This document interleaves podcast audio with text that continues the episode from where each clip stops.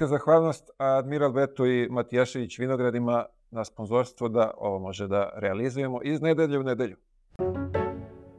Novi Big Hybrid Flex savršeno brije i da, oštrice mogu da mu se zamene.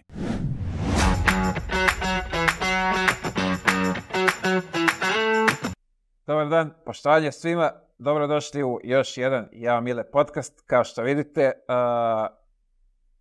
iz Moskve se javljamo povodom VTB Super Kupa, da smo gosti i imamo čast i zadovoljstvo da danas ugostim mog bivšeg saigrača Jurica Žužaj sa nama. Jurice, dobrodošao u vam Mile podcast. Još bolje vas našao. Čast i zadovoljstvo mi je biti gost, gost podcasta. Pratim, gledam. Hvala ti što si odvojio vreme za mene. Inače, ovaj moj bivši saigrač, proveli smo jedno lepo vreme Jesmo, da. u od kabele su uliti. Tako je. Bila je fantastično. Naletio sam nešto jučer dok sam prelistavao ovaj, za tebe, naletio sam neku, na neku sliku sa kosom. Verujem mi, morao sam da se je nasmejem kao mm, nikad. Naravno, naravno. Svi mi kažu ovaj, da puno mlađe izgledam bez kose nego s tako pa valjda je tako. Ajmo vjerovati njima. Ali kako ga vidite sad, takav je bio i prije 7-8 godina kad smo zajedno nastupali. Da. čovjek je kao vidno što bi se reklo. Hvala ti. reci ti meni ovako, kako je u, u ovoj lokomotivi? Pa, s moje strane i gledišta su odlično. I moram reći od prvog dana kad sam došao prošlu godinu tu sa Aleksandrom, e, da mi je stvarno zadovoljstvo raditi, s njim surađivati, u Lokomotivu. To je klub u kojem ne fali ništa, ništa nam apsolutno ne nedostaje osim aerodroma, ali dobro, valjda će se i to riješiti jednog dana.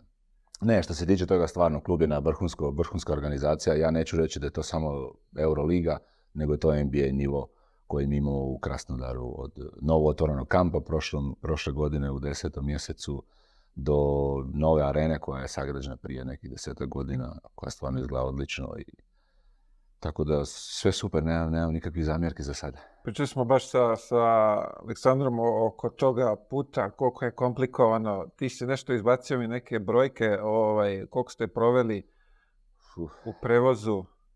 Češ da, ponoviš to, ako se sećaš, molim te, da ljudi imaju Da, ali ono stvarno nekakve velike brojke, to je radio naš kondicijski trener Alejandro prošlu godinu vodio je, on ne samo da vodi statistiku i, ovaj, kako se kaže, e, stvari o nama, nego i o drugim ekipama u VTB ligi. Mislim da smo negdje oko 200 sati autobusa, 150 sati aviona, 30 noćenja u Moskvi smo proveli prošlu godinu zajedno. Izuzetno naporno. Pa da, je, zbog iz, razloga što nemamo aerodrom, što je taj aerodrom zatvoren, što smo blizu granice sa Ukrajinom, zbog e, ove sveukupne situacije koja se dešava oko nas. Međutim, e, nema kukanja, nema traženja izgovora, nego jednostavno moramo naći način, find a way, što kažemo Saša i ja uvijek igračima. E, ali moram istaknuti jednu stvar koja je možda na kraju svega nama i pomogla što se tiče play-offa, igranja, utakmica, svaka tri dana putovanja gdje smo mi praktički završimo navečer utakmicu, idemo doma, spremamo stvari, sutra ujutro radimo regeneracijski trening i mi smo već u autobusu za Stavropol ili u vlaku za mineralne vode ili Soči i nam treba uvijek nekih 5 do 6 sati ili jednog ili drugoga i svaki put smo oni nekih najmanje 3 sata, 3 sata do, do Moskve. To je Kaspijsko jezero, cijeli krug do Gruzije i onda preko Nižnoga i Kazanja do Moskve. Ali dobro, kažem, to nam je pomoglo dosta iz razloga što smo se mi navikli kroz cijelu sezonu. Već su se igrači tijela i sve ostalo navikli. E, pokušavali smo podrediti sve njima maksimalno e, imamo povjerenje u ljude u klubu, imamo maksimalnu pomoć od predsjednika Andreja Vediševa koji je stvarno omogućio uvjete da, nam ništa ne fali, da smo imali dosta puta čartere prošlu godinu. E, od liječničke službe koja je na vrhunskom nivou, koja je najbolja u Rusiji. Ja kao igrač nisam se nikad susretao sa takvim stvarima e, što imamo mi sve ovaj, u Krasnodaru. To je poslije utakmice cold bat, to je krio mašin, to su stvari brze za oporavak, da smo sutra ujutro već u autobusu ili avionu, stignemo u Moskvu, odradimo trening i mi smo već e, spremni za utakmicu. Još ću jednom ponoviti, to nam je pomoglo stvarno kroz sezonu da smo se navikli na ta putovanja i bilo nam je kuda i kamo lakše nama nego recimo, ne znam, Nižnjome CSK koji je dolazio, isto tako su putovali čarterima do nas, ali opet bus. E, koštao ih je taj bus, a mi smo imali naviku toga, a oni iz Moskve praktički, aerodrom je blizu, kuće i, i lete svugdje. Tako da nam je to pomoglo na kraju. Uz sve to što smo mi organizirali maksimalno sve da bude sve podređeno igračima i da su oni spremni za utakmicu. Ti sad spominješ da si imao te uslove, a ti si i pored svega igrao, što bi se rekao, lepo, ovaj, dugo. Da, do 30. Da si imao te uslove, ti bi i dan danas igrao. A dobro, teško je sad pričati. To su neka druga vremena, neke druge stvari. Recimo, bilo što usporediti s nama na Balkanu i recimo ovdje sad u Rusiji ili u klubu ili koje to organizacije i koje se novci ulažu u sport, to je uopće bespredmetno razgovarati. to sam puno puta ja razgledam sa svojim prijateljima. Mislim, uopće trošiti riječi za to je nepotrebno. To je samo trošenje vremena. Zato što mi ne možemo imati te uvjete, vjerojatno ih ne znam, hoćemo li ih ikada imati, ono što oni trenutno Ulaganje u sport, budžete, to su i dalje veliki budžeti, bez obzira što njihovi klubovi ne igraju u Europu, e, trenutno, ne znam, izašli su neki podaci jučer, opet su to negdje Zenit na 19, CSKA na 18, nešto spisao pisao, 14 milijuna eura budžeti, da je Unix na 10, recimo ta top 4 kluba su izašla na će u ruski novine. Wow. A to su dalje veliki budžeti za nas. Dobro, kod nas je Zvezda Partizan s tim budžetima, Euroliga i opet mukom mučimo da uđemo u to posao. E, da, slažem se, ali to je jedino kod vas u Srbiji. Mi uopće i nemamo, nažalost, kluba više ni u Europi, ni u Euroligi, niti participiramo u Europi, što je meni nepojmljivo i što je jedna velika i široka tema da o njoj bi stvarno, trebalo razgovarati.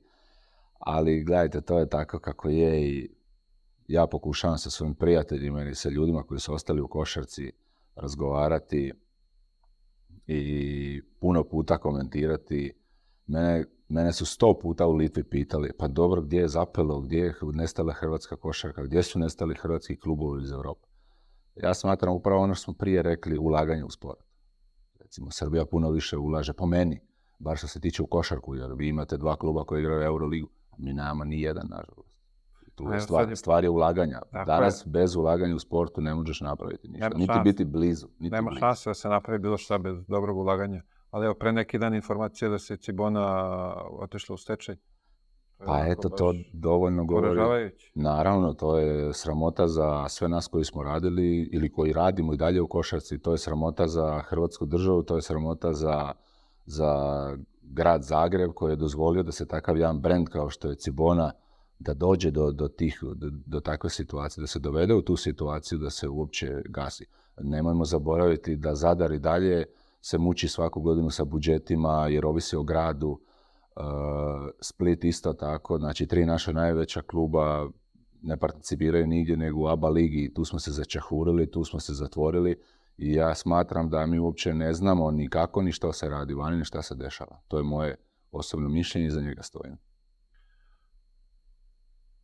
Mislim, ne znam šta ti kažem, kažem, kod nas je, mnogo se više ulaže. Da. Opet, ako gledamo i, kroz ta ulaganja, klubovi ništa u Europi nisu uradili. Iako se troše nenormalne pare. Tako da, ne, ne, vidim šta je dobro. Da, slažem se i s Ako gledamo, pošto ali, jurimo rezultat. Ali, ali recimo da, svi ura rezultat, ali da li je novac garancija uspjeha? Ja mislim da nije. Isto tako.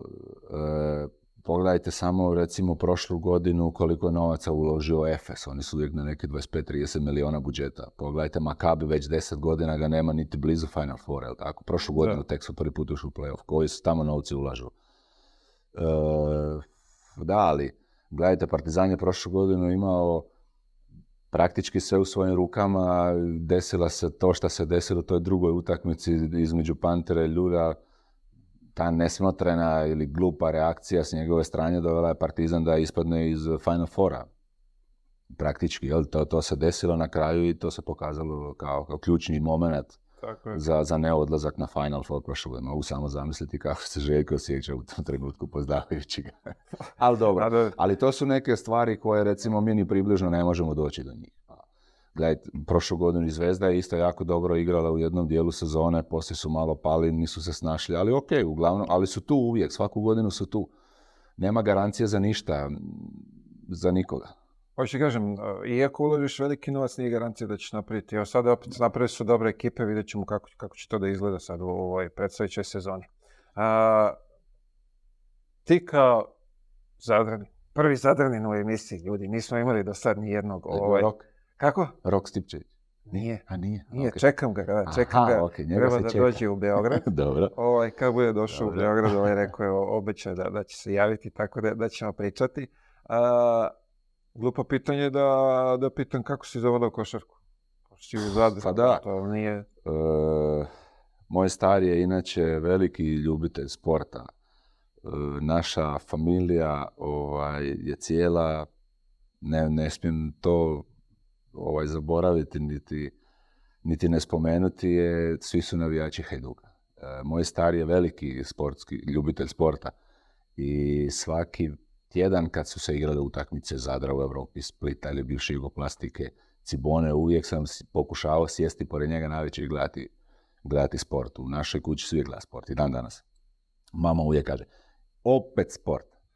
To je nama u krvi. I onda splet okolnosti, se desio taj da sam ja završio, završio u košarci uz sav taj sport koji, koji mi je on usadio da, da Da Čekaj, je bilo neki pored sport, nešto, jesmo ja neki futbol da si kao klinac krenuo? Pa, dobro, prije u bivšoj Jugi mi smo imali u školi da smo se bavili i nogomet smo igrali i rukomet sam igrao te neke sekcije u školi. E, košarka naravno je bila ono iznad svega, onda je došao e, učitelj u školi e, osnovnoj kaže, ja zovem mog staroga da dođe na, razgovor i kaže meni nije jasno da sina ne date da, da počne trenirati košarku. Onda se desila ta ratna zbivanja, ovo ono sve.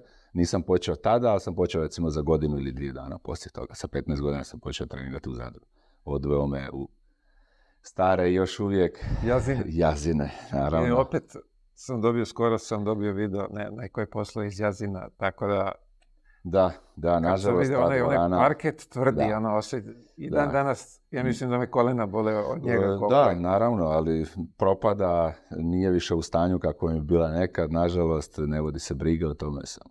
Ali moram reći jednu stvar, ovaj, Mile, ti moram spomenuti, ja za sebe kažem da sam počeo u gradu košarke, ali sam završio karijeru u zemlji košarke. Jel tako? Bravo, da, da, da. da. Vidiš? To znači Litvi, Tako je, tako, je ispalo, zemlja Tako je, tako ispalo, ja to uvijek kažem kad me neko pita. Svaka čast. To naravno, da, hvala Reci mi na početcima, pošto si iz tamo košarka, grad košarke, kao što si rekao, sve ovo, ove, ovaj, si imao neka maštanja, uzore neke u, tom periodu? Pa naravno, e, recimo u to vrijeme, no, da smo bili klinci sa 12-13 godina, Eh, smo gledajući Jugoplastiku, jer Toni Kukoć, Dino Rađa, ne znam, Dražen Petrović, naravno, ja ga se sjećam, ali jako malo. Nažalost, eh, preminuo jako, jako rano. Eh, od ovih ostalih, recimo, sad ne, pada mi neko na pamet, ali recimo onda se desi 99. Ako se ne varam, taj uzor kojeg sam ja gledao i kroz Boston i kroz hrvatsku reprezentaciju i kroz živoplastiku, tada dođe na trening i igramo zajedno. Dino potpiše za Zadar. Tad sam ja bio u Zadru i Dino potpiše za Zadar. Znači, ta sezona ne samo recimo nisam igrao puno pored njega, ali mi je strašno puno pomogla za daljni razvor karijere, naučiti kako se ponaša jedan profesionalac i on će za mene uvijek biti profesionalac. E, dolazak na treninge, dva sata ranije, rad u teretani, poslije toga rad na parketu, svaki put e, dođe i kaže nama mlađima, ja sam bio to 20, čini mi se godina, e, i kaže, ja sam, ne znam, trening u šest, ja ću biti u i petnaest na parketu, pa ko hoće neka dođe. Ja sam već u 5 sati bio u stočionici, bandažiran, presvučen i spreman čeka na parketu da radimo tehniku, da nam pomaže, da nam pokaže to su, kažem, te stvari jako bitne koje su mi poslije i pomogle. Puno ljudi mi je reklo u Grčkoj, pa ti jako puno stvari imaš od Dina Rađe. Kaže, naravno, učio sam, gledao sam ga, upijao sam i na kraju sam to počeo koristiti. li viš koliko je to bitno kad tako veliko ime dođe u, grad negde, ovaj, u svoju zemlju. Oči kažem da je mnogo za klince dobro kad imaju tako velike igrače pored sebe. Naravno, nije samo pomoglo meni, pomoglo je, tu je bio tada Tomislav Ružić, tu je bio i Kristijan zegović tu, su, tu je bio Hrvoje Perinčić, bilo je nas stvarno dosta e, mladih igrača koji smo stasali iz te zadarske škole košarke koji smo bili e, 94. 5. 6. Ja mislim da nikad Zadar nije imao takvu dominaciju u tim svim uzrastima, juniorskima, tri puta za redom prvaci Hrvatske u konkurenciji Ciboni Splita koji stvarno tada isto bili dobri izbacili. Tu je bio Vujčić u toj generaciji, vamo je bio u Ciboni, Anzulovi, Cesar, čini mi se, sad ne sjećam se svih igrača, to je bilo 96. to je bilo stvarno davno, tako da, ali hoću reći imali smo stvarno dobru generaciju, te 96. kad smo potpisali prvi profesionalne ugovor, imali smo, ja mislim, osam igrača iz Zadarske škole. Tu je bio Stipe Šarlija, koji je isto, ali je bio stariji. Vratio se bio Petar Popović iz Dubrave, iz Benston, kako se tad zvao. E, bio je jedan Amerikanac, i to je bilo to. Znači, osam ili devet mladih igrača je bilo tad u ekipi. Sljedeću godinu već sa tom ekipom smo dodali Joku Vrankovića, dodali smo Emilija Kovačića i Gerard Lewis, ako se ne varam da bio on, i osvojili smo kup u Jazinama. Nakon, ja mislim, 15-16 godina računajući kroz bivšu jugu i poslije kad je postala Hrvatska samostalna država, onda znači negdje 15-16 godina zadnji svoj trofej, to je bio prvi trofej u samostalnoj Hrvatskoj. Spomenuo Jazine sad, e, kako je ovaj, biti domaćin?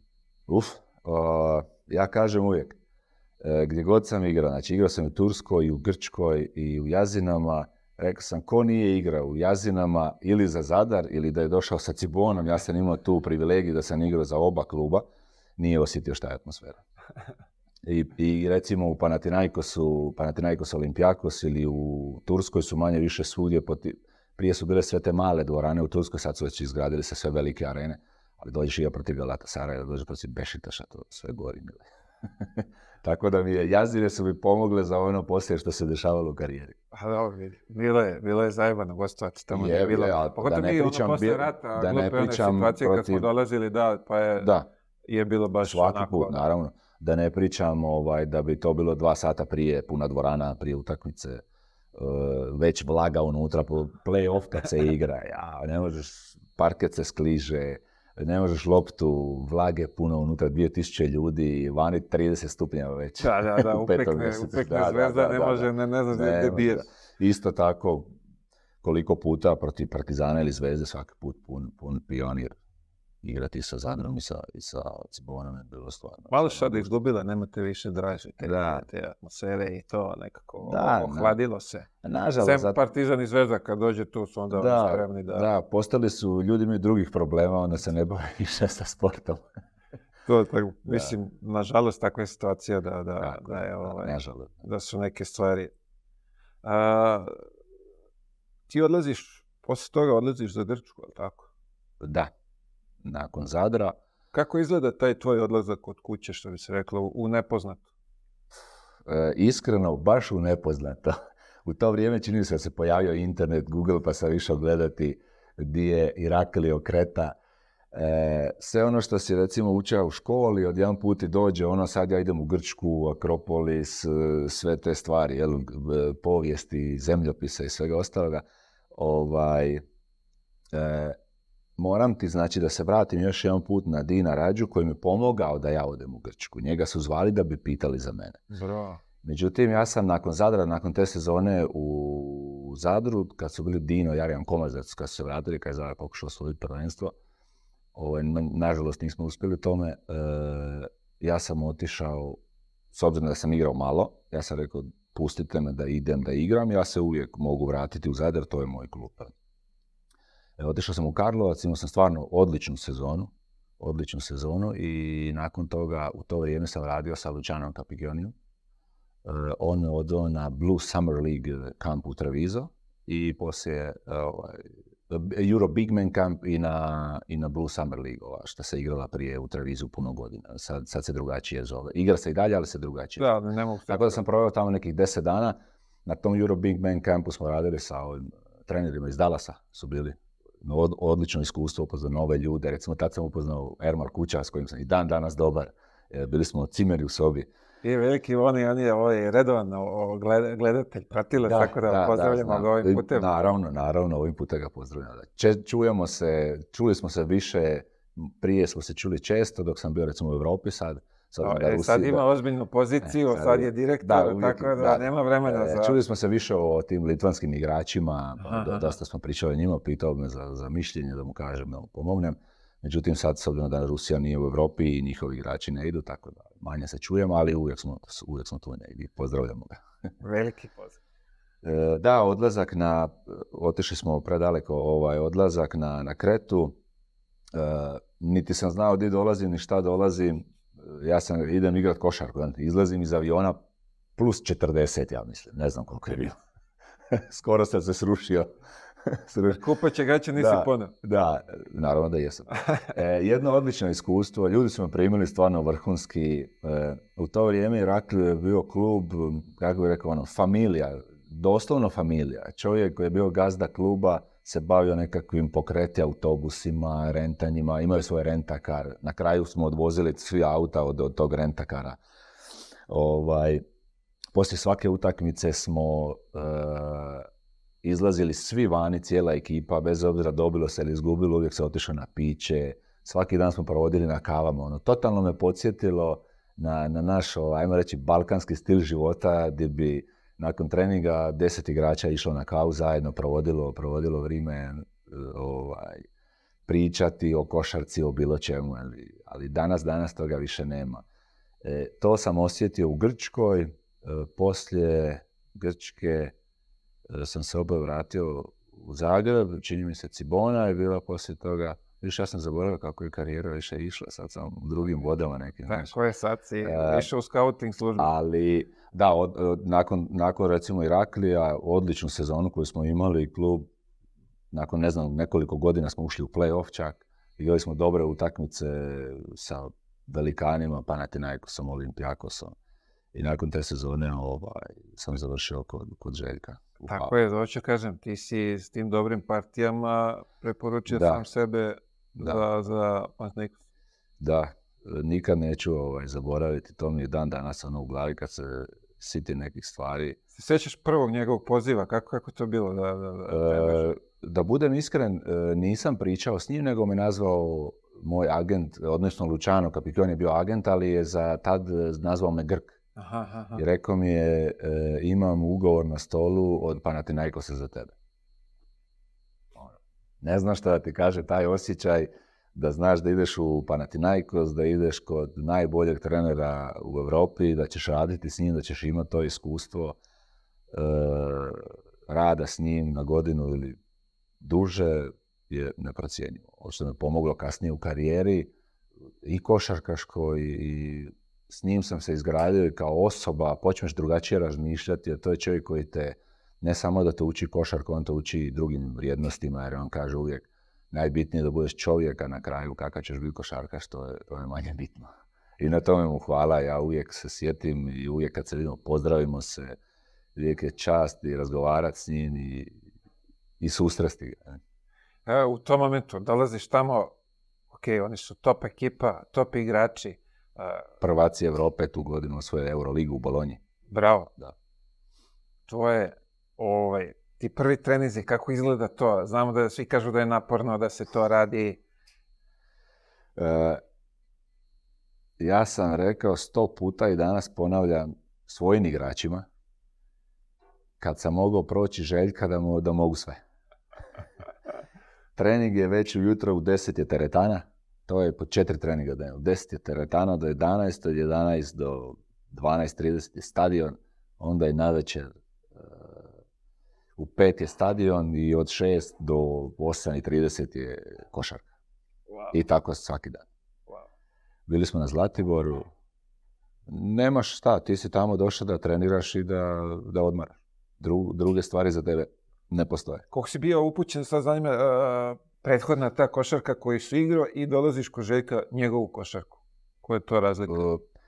u Irakliju ili recimo igrali smo puno slobodnije nego što smo igrali Koželjka. Koželjka se puno toga zasniva na obrani, zasniva se na tome da je disciplina maksimalna, da si fokusira na svaki trening maksimalno, da daješ maksimum. To su one, stvari recimo koje su se promijenile nego što su Irakli. Ja neću reći da one nisu bile tu, ali su ovdje na puno, puno, puno većoj, razini. E, nije blok ovako ili ovako, stop, ajmo nazad ponovo. I tako deset puta ako treba. Dok god ne dođe do perfekcije. Mali sitni detalji koje donose rezultat. Tako je, to on uvijek spominje i ja, i ja ovaj, vjerujem u to. I na kraju ovaj, dana, danas kad sam trener, e, i sam se hvatam u tome da je, da je to u biti točno što on kaže. Sitni detalji rade razliku. Primenjuješ nešto od te njegove filozofije i dalje?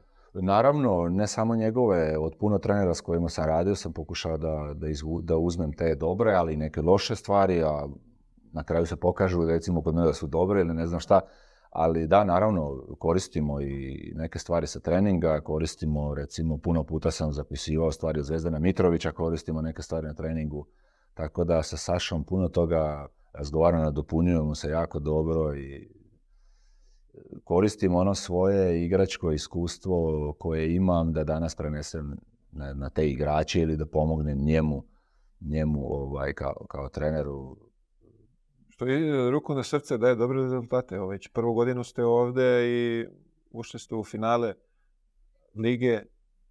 Imali ste dobre rezultate i u Nimburgu. Da. E, u biti, da se vratimo na početak, recimo kako smo Saša i ja počeli. To je recimo zanimljiva priča, znaš? da čujem. E, kad sam ja bio u Panathinaikosu, e, Jaka Laković u isto vrijeme potpisao nakon super sezone u Krki Eurolige, kad su dobivali Real Madrid u Madrid i tako. Sa Pipanom, jel? E, Saša, Saša je dolazio gledati Željkove treninge kod nas. I tako smo se mi upoznali. Saša i Jaka su danas kumovi. E, Saša, Jaka i ja smo danas veliki prijatelji. Dan danas smo ostali, a Sašu sam recimo, e, nismo se mi nešto posebno viđali ili čuli, osim kad sam bio u Litvi, jednom ili dva put smo se čuli da izmijenimo scouting oko nekih ekipa, jer smo on bi igrao ili bi ja igrao, pa smo tražili, ili smo u drugim grupama, pa smo se poslije susretali u grupama. I ovaj, prije Nimburga, to je bilo korona vrijeme, ja sam bio u Litvi i treći mjesec e, stale su lige, stala je košarka, stale je svijet, stalo je sve živo. Nije bilo ničega. E, ja kao stranac, e, trener i još igrači koji su bili, naravno svi su se tad bojali za budžete, za novce, za smo otpušteni, ništa to nije. Dešavalo se tih stvari u koroni, nažalost je bilo to što je bilo. I dolazi Saša na more sa familijom i dolazi u Posedarje. I zove mene i kaže, ej, tu samo ćemo se naći na kavi. Naravno da, da ćemo se naći. I tako dogovorimo se, nađemo se mi na kavi i pričamo o svemu u tom trenutku ono dolazi, ja ti, šta, kakvi planovi, ovo, ono, Kan tu sam, doma sam, vamo se, ono, praktično, neću reći raspalo se sve, ali stranci su otpušteni, ostali su samo domaći igrači, svi se boje za novce, hoće li biti novaca, neće li biti novaca. I ovaj, kaže on, ja ću vidjeti sljedeću godinu na, ovaj e, Oren koji je bio trener Izraelac, na, e, Saša mu je bio pomoćnik, kaže najvjerojatnije će odlaziti i meni je ponuđeno mjesto prvog trenera. Ja ok, super, i ono na kraju, je ono, krošava se, ja kažem, ajde, slušaj, možda ti bude treba pomoćnik, pa siti se. Kaže, nema problema da pače. I nije godina sljedeće ljeto, zove Saša. Kaže, treba mi, ja sam preuzeo mjesto prvog trenera u Nimburgu, treba mi pomoćnik, ja bi da mi ti budeš. Što znači dobro prijateljstvo? ali je u, e, pomogao Jaka, jako puno, jer je rekao, kaže, treba mi pomoćnik, kaže, pa zove Žužu, on je slobodan, uzmi njega da ti, da ti bude pomoć. To je priča i to je sad epilog svega da smo tu zajedno bili u Nimburgu, stvarno smo radili dobru sezonu, imali smo dobru sezonu kroz Champions League, kroz domaće prvenstvo. Na kraju smo bili prvaci i onda je došla ponuda od Lokomotiva, imali smo mi još godinu dana ugovor, međutim ovo je veći izazov puno nego, nego što je recimo Nimburg ili što je Champions League, ipak VTB Liga, zna se da je to bila druga ili treća liga po jačini u Europi. Velik izazov, velik klub, tako da smo i dalje tu i dalje surađujemo i dalje mi je gušt raditi s njim i bit će, zato što je prvenstveno čovjek, a onda odličan trener uh, uz kojeg se može naučiti. Ja, se ja uvijek kažem njemu, ti mene naučio nešto, ja tebe, mi smo odlični. Odlični. E, I to je ta bitna stvar između dvojice ljudi. Recimo, ja se uvijek sjetim kad sam igrao kod Željka, Željko i Tudis. Danas je i Tudis to što je, čovjek je osvojio dvije lige Pa ja se nadam, daj Bože, da tako i mi jednog dana osvojimo zajedno, a poslije da osvojimo i, odvojeno. Bilo bi svima drago. ne, ne. Pa malo prije smo pričali tu, da moraš da imaš viziju, da imaš neke ciljeve da bi se išao ka njima da bi, da bi mogao da ih ostvariš. Naravno, naravno, bez toga, nema. Moj cilj uvijek je bio i kroz karijeru i igračku, da uvijek sam stavljao svoju onu uh, ljestvicu jako visoko, uvijek sam imao velike očekivanje od sebe, kad neko pita jesi imao dobro karijeru, jesam, ali mislim da sam mogao bolje, ali dobro, opet ne žalim se, ne žalim se na ništa. Sretan sam da sam mogu igrati 20 godina, da nisam imao, hvala Bogu, nikakvih velikih ozljeda. E, ulagao sam u sebe, radio sam preko ljeta, bio sam maksimalno profesionalan, bar ja tako mislim i puno ljudi ili prijatelja s kojima sam igrao. Ja sam e, bio kratak period sa tobom i mogu da potvrdim da... Hvala ti. E, Evo, vidiš. Spomenuli si sad e, Željka e, i tudi si to sve. E, zanima me, imaš neku anegdotu vezano u to vremeno, provedeno sa, sa, Željkom? Što možda nam kažeš, a da, da, sme, da sme pred kamere, što bi Pa, pa mo, mislim, nije to nikakva tajna. Bili smo, ovaj, recimo Željko ima pravilo, ne znam da li je to danas, ali je bilo onda da svako ko zakasni na trening ili na putovanje mora odvesti cijelu ekipu ovaj, vani, na večeru. Cijelu ekipu sa, sa stožerom, sa medical staffom, sa svim. I ovaj, prvi trening, Željko je naravno u slačionici, ali on ne izlazi vani. Tako da on dokaže, znači, i sad mi čekamo šest sati, nema Željka šest, jedan, Željko se pojavi. O, Kovuć, kasnili ste. Znam, večera je dogovoreno. Novi Big Hybrid Flex savršeno brije. I da, oštrice mogu da mu se zamene. Imamo večeru. I tako svaki put, znači to su neke stvari do kojih on drži, da bi skupio ekipu zajedno, da bi ekipa imala kemiju, da bi ekipa bila, ovaj, što se kaže, ono, kao obitelj, kao familija jedna. I to su te stvari koje su mi se sviđale kod njega. E, isto tako smo bili recimo pred play-off, idemo na večeru i kaže, ovaj, sjedimo sad svi, kaže, možete slobodno pivo, vino, nema nikakav problem, popit ćete čašicu, sve. I sad, Focis nije čovjek koji će, ne znam, popiti, on pije Coca-Cola, on je Amerikanac. I kaže, ovaj, i sjedi pored njega jedan momak koji je bio 18 godina, sad se ne mogu sjetiti kako se zvao, ali nema veze, nije ni bitno. I sad svi popijemo ono malo vina ili pivu ili nešto, pita njega Željko, što ti piješ? Kaže on Coca-Cola. Nikad nećeš biti igrač. to je to, ako ne pa piješ, možeš pa Da, da popiješ svi smo mi na kraju dana ljudi, čašica vina ili jedno pivo neće promijeniti ništa, a za dobru atmosferu u ekipi sa ljudima s kojima radiš je uvijek, uvijek dobro. Da. igru si aj složit ćemo se ovako, u Španije, u svim ligama, ali najjačim u Europi. Da. Koja bi, koja bi izvojio kao najtežu? Recimo, u to vrijeme kad sam ja bio u Grčkoj, to je bila, ja mislim, druga ili treća liga. Italija je tad bila isto jaka, ali fizički, fizički italijanska liga je bila drugačija nego što je bila recimo Grčka i Turska. E, Grčka liga je bila jako fizička. Imao si najmanje deset klubova koji su bili jaki u to vrijeme. Ne samo Panathinaikos Olimpijakos, imao si deset klubova. Imao si Paok, Aris, Iraklio. Nisi mogu doći kod nas u Irakliju i reći, e sad ćemo mi idemo u Irakliju, idemo dobiti utakmicu. Ne. Nas je Panathinaikos dobio sa zadnjim šutem Alvertisa sa 8 metara. Nas je e, Olimpijakos dobija e, na dva produžetka sa tri poena Tomića. Pauk dolazi kod nas, mi ih dobijemo. Aris dođe, mi ih dobijemo. Ajek, koji je tu godinu bio prvak Grčke, e, sa Holdenom i sa onom ekipom, onda Kakjuzis ili ne sjećam se više ni, ni ko je sve bio tamo, to e, ono je sa Šakotom. Šakota, kad je bio trener, da, da, kad je kad, su, kad je uzeo titulu, došli su kod nas, dobili su nas isto tako nešto jako malo. Znači, ono, svaki teren na koji se otišao u Grčkoj je bio težak. Nisi mogao otići tamo i dobiti utakmicu. Fizički zahtjevna liga. Međutim, onda sam išao poslije toga Cibona, Euroliga, Ukrajina, e, Turska je bila recimo Turska je strašno fizička liga. Ja sam ovaj, došao u tu ligu, ostao na pola sezone jer je Ukrajini klub otišao u stečaj, Zvezdan je bio mm trener, bili smo u Basu i poslije toga prvih recimo mjesec dana mene sve živo bolio. Sve. Od kontakta, od udaranja, od...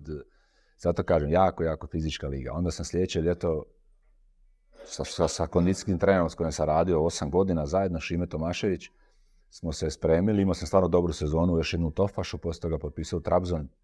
E, tu ligu sam igrao sa 116 kila, ali mišića. Znači, bez toga nisi mogao proći u toj ligi. Bez toga nisi Da bi bio dominantan, da bi igrao dobru ligu. Koju sam igrao, recimo imao tad po 12-13 pojena.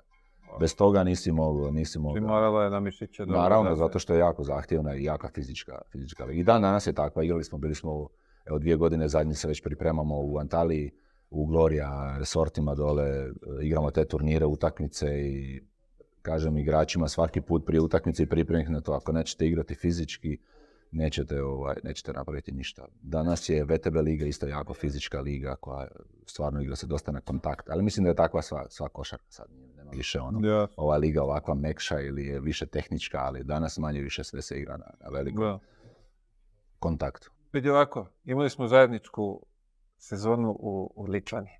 Bila je za su uspješna te godine, što bi se prvi trofej su uzeli. Treba napomenuti da smo osvojili treće mjesto i da smo dobili najveći pehar u, istoriji košarke koji sam ja vidio. Da, to je nešto bilo baš ovaj... mene vežu za, taj period izuzetno lepe uspomene, bilo je lepo druženje. Jezda je bilo hladno, nenormalno. Grad je onako sam po sebi čudan, ali ovaj, šta tebe veže odatle, kakve, kakve uspomene nosiš iz te sezone? E, pa recimo ne samo iz te, ja sam bio, i, prije, i prije, da. Kakve uspomene? Mile ulazi ujutro u 9.30, samo mu se vide oči. Kapa, jakna i ovako ulazi u sličionicu. Minus da, 30. da, minus, da, minus 27 30, da, ona su bila strašne zime. Dobro, lijepo iskustvo, to je bio već kraj karijere. E, na kraju, poslije toga sam ostao tamo raditi kao trener. Probao sam pet e, stvarno dobrih i finih sezona u Litvi. Dan danas imam prijatelje tamo, dan danas se čujem s njima.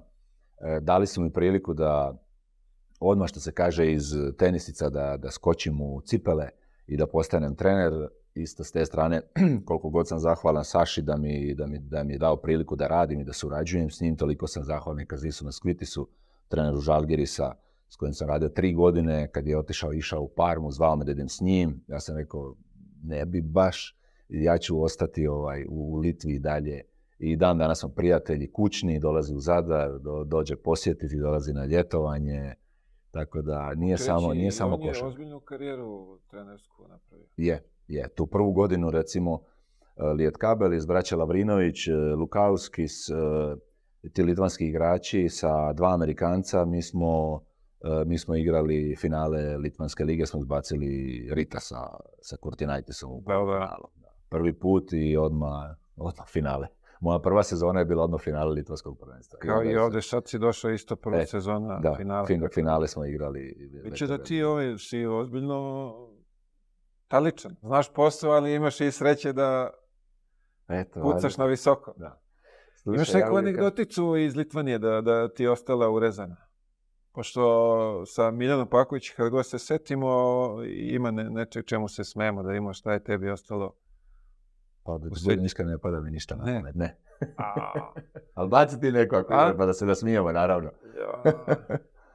Vidi, ali ajde ovako sad pred kraj, bilo je zanimljivo, onaj posljednje ono okupljanje po, kad se sezona završila na onom jezeru Roštilji i sve. Da, da, da, da, da. Sauna. Da, da, da, ona Kad se gospodin baci u ledenu vodu da otpliva mi u šoku u jaknama.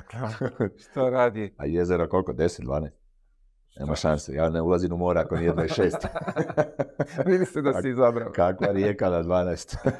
Nevjerovatno. Ja u šoku gledam šta se dešava. Čovjek iz saune i direktno u da, da, da, da, to vidiš, to sam zaboravio da smo imali ona, da, oni vole te stvari, oni imaju ovaj, ta okupljanja prije kuće i na kraj zdravo, da, da, prije da početka. da. kažu, kažu da je zdravo. Ali u jezero da skoči ali, baš nije mi. Gledaj, ko voli, neki izvoli. Ja nisam baš za to. Apsolutno, apsolutno. ajde ovako, daj izdvoji mi lige, šta smo pričali o tome, gdje si bio, šta si... Ovaj, koga bi izdvojio za najtežeg protivnik? Kao ekipu ili kao igrača? Igrač. Uf, recimo, Dino Rađa je strašno teško čuvati. Recimo, ja na jedan igrati protiv njega. Bio je strašan igrač, ja na jedan fizički, recimo, koji je bio tada u Europi, bio je dominantan, je Tanaka Bird. Uh, bio u Valenciji kad smo igrali protiv njega, to je čovjek od stijene odvaljen. Nešto nevjerojatno kad ulaziš s njim u borbu za poziciju ili u kontakt, to je strašno. Ali ja ću ti reći još jednu stvar, kad sam igrao u Ciboni, postao je jedan igrač koju sam ja poslije isto gledao, jer smo igrali na istoj poziciji i bio je stvarno ovaj, dominantan kroz Euroligu, završio u Panathinaikos je Nikola Peković. E, igrač koji ti nije dao niti sekundu vremena da se ti opustiš, će ti zauzeti poziciju, će te silati dole u sred reketa, a kad ti se on uvali unutra, nema šanse da, ga, da odeš okolo njega, e, što mi kažemo danas, e, da ideš u tri četvrtine ili da ideš to, ispred njega, nema šanse. Znači, i bile su te, ja sam to poslije skužio, nije bio toliki scouting koliki je danas recimo igračima, danas znamo svaki detalj, ne znamo jedino koji broj tenisica nose, ovo ostalo sve znamo o njima jer su tolike mogućnosti mm, videa, gledanja, praćenja, svega. Dule Vojošević je imao te stvari da centrima nikad nije dao da primaju loptu ako ne gaze e, liniju reketa sa nogom. to, se, to mi nismo znali prije, ja sam to saznao poslije i strašno teško je bilo igrati protiv njega, bio je jak, bio je, uvijek je uzimao odličnu poziciju, nisi mo, nije ti dao, kažem ti, sekund prostora da se opustiš, a da ti se ne uvali unutra i da ti neće zabizice. Nije ti pomogao ne ga udariš, on će ti završiti. Tako da je bilo stvarno teško igrati protiv njega. Da, sam znaš, igrao si protiv njega.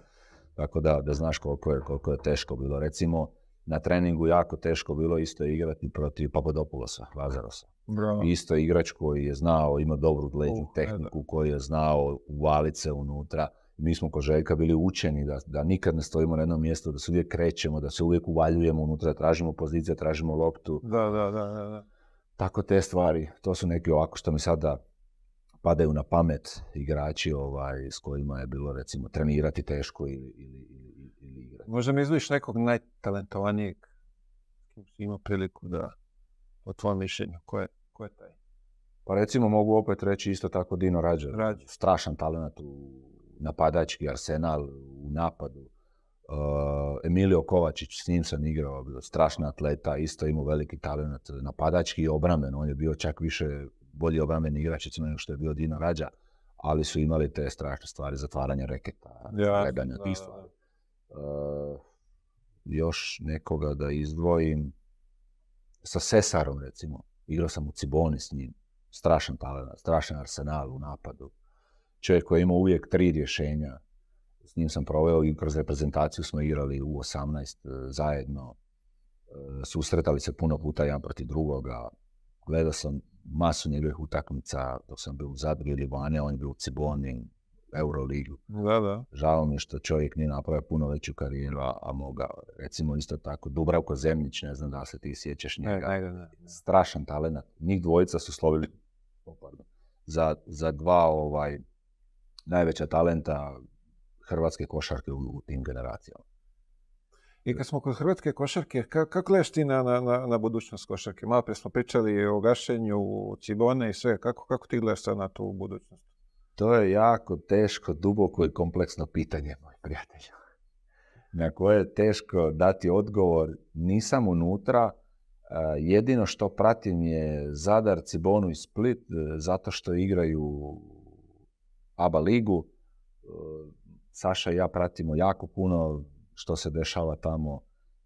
Ja sam siguran da talenata ima, uvijek ih je bilo i bit će ih Međutim, e, te ljude ili te igrače ili tu djecu treba neko izvesti na put, treba neko raditi s njima, a dolazimo do onoga sa početka naše priče da ulaganje u te trenere, u te klince je, ja pretpostavljam, minimalno i to je jedan, naravno, sigurno ne jedan, nego veliki problem što recimo nema tog ulaganja u sport jer danas treneri isto tako moraju živjeti od nečega, nema više onoga ko što je bilo prije 40 godina i kažu pa i radiš iz ljubavi. Nema više nikakve ljubavi, sve je postao profesionalizam, surovi nažalost, gdje ljudi recimo rade ujutro sa klincima, popodne idu na posao ili obratno, tako da ja ne vidim ovaj, eh, da bi se to moglo nešto promijeniti. Ja se nadam da hoće, ali u ovom trenutku, trenutku ne vidim, nažalost, nažalost da će se nešto promijeniti. A bez klinaca, bez ulaganja u trenere, u, taj e, coaching staff od početka pa u, djecu, šta da očekujemo ako nismo ulagali u njih da, da bude negdje hrvatska košarka. E, mi smo u situaciji da imamo, da prošlu godinu nismo ili prije dvije godine nismo imali nijednog igrača u Euroligi, osim Hezonje koji se sad bio je, da, prošlu godinu u Unix, ovu godinu u Realu. Znači imamo jednog igrača koji igra Euroligu, evo ti me sjeti ako ima još. Ima Ante Žiži, da. Pretpostavljam da, nisam upućen, tako da... Ja, ja ne znam da li imamo, to je, to je poražavajući podatak da mi nemamo igrača u Euroligi, onda ne možemo imati ni, očekivati neke velike, velike rezultate, reprezentacije na velikim natjecanjima kad nemaš igrače koji ti igraju velike utakmice koji se natječu na velikim natjecanjima, recimo Eurolige, jer gdje da oni stasaju kroz hrvatsko prvenstvo, ne podcjenjujući apsolutno nikoga, da li je ono ovako ili onako, o tome možemo raspravljati danima, to je... Ali, je situacija takva kakva je i puno toga govori. Zato, što smo nažalost tu gdje jesmo. I da li treba mijenjati puno stvari? Treba i treba će se mijenjati da bi se mi vratili gdje smo, gdje smo nekad bili. Da smo bar u situaciji nekakvoj da se borimo za medalju. Iz sve te NBA igrače imamo malu bazu igrača e, kvalitetnih e, na tom srednjem nivou. Meni se čini da smo, da smo izgubili dosta toga. A, a to su igrači iz tvog bazena, iz tvoje lige koji će ti izvući danas kvalifikacije, prozore, e, fibine koje se igraju. Ja, ja mislim da mi takvih, takvih igrača, igrača nemamo. Zato smo se doveli u situaciju da moramo strahovat Švedske, Finske, to je jedna, kažem, kompleksna tema. E, bio sam u Litvi, prošao sam puno stvari, vidio sam, oni šalju svoje trenere na obučavanje u Litvu. Šveđani, Finci su dolazili svaki put kod nas u Litvu na treninge gledati. E, šalju ih u Tursku na tjedan dana, šalju ih u Italiju, šalju ih kod Željka, šalju ih kod Mesine, šalju ih vamo tamo. Mi to nemamo, nažalost. I meni je žao što to nemamo i što nikad niko nije razmislio o tome. A ja jesam, puno puta sa Sašom razgovaramo o tome da u trenere treba ulagati, da bez toga nema ništa. Kao i sve. Kao sve, ulaganja, da, naravno, sad smo prošli puno tema u vrlo kratkom vremenu da, o kojima se stvarno treba, to je kompleksno pitanje, velika, široka tema o kojoj se stvarno može, može pričati. Vidi, možemo da pričamo koliko još ovaj, dugo na tu temu, ali pošto je vreme ručka, imam još dva pitanja za tebe, ovaj, za kraj, da mi izvojiš najteži eh, moment u karijeri. Šta je to bilo? Pa, recimo, najteže mi je bilo u Panathinaikosu. Kažem, nisam imao stvarno ovaj, velikih ozljeda, hvala Bogu. Kroz cijelu karijeru sam ovaj, igrao eh, i trenirao bez da sam imao nekih ozljeda. Eh, u Panathinaikosu jedina ozljeda koja mi se desila bila long šake koja me izbacila na dva mjeseca vani u takvoj ekipi. Na tom nivou poslije uvijek se teže vratiti. Da, da to je recimo jedan od, ajmo reći tako, težih trenutaka ovaj, u karijeri i recimo znam koliko ima u Zadru znači osvajanje prvenstva koje smo mi dva puta izgubili dok sam ja bio u Zadru. Recimo, to su, to su neki teški trenuci još da ljudi odlaze a opet nismo uspjeli. Znaš, ono, tri puta smo... Da, da, da. tu gdje se voli košarka da, toliko. Dva ili tri puta smo gubili finala koja su ono baš bila, baš bila nezgodna i nesretna. Eto, recimo, to, to su te neke stvari. A ovo ostalo je sve bilo manje više. Ok, hvala Bogu. Uh, za kraj, daj mi savjet za, za mlade igrače. Šta bi bio? Šta bi bio? Vjera u sebe, uh, posvećenost, motivacija na najvišem nivou uh, i velike količine rada. Bez toga je jako teško uspjeti. Ja sam rekao uvijek da je talenat 30 ili 40%, sve ostalo je rad, odricanje i, i, sreća. Naravno, u svemu tomu treba na kraju dana imati sreće. Žule, hvala ti mnogo na izvojnom vremenu, što si ukazao mi priliku da napravim ovu kratku priču. Moj su formati inače, inače duži, to ide po dva, tri sata, ali ovdje je takva situacija da nemamo, mnogo vremena. Ručak, ručak se bliži, ručak ljudi ulaze da postavlja da imate video analize, ne bi više da zadržavam. Još jednom, hvala ti u srcu na svemu, želim puno uspeha, što privatno, što poslovno i ako može ovoj sezone korak više. Hvala te puno, ja se nadam. Samo mali korak. Mali korak, ne treba više isto dragi prijatelji, bio je ovaj Jao Mile podcast. Mi se vidimo već sljedeće srede. Svako dobro i prijatno. Novi Big Hybrid Flex savršeno brije. I da, oštrice mogu da mu se zamene.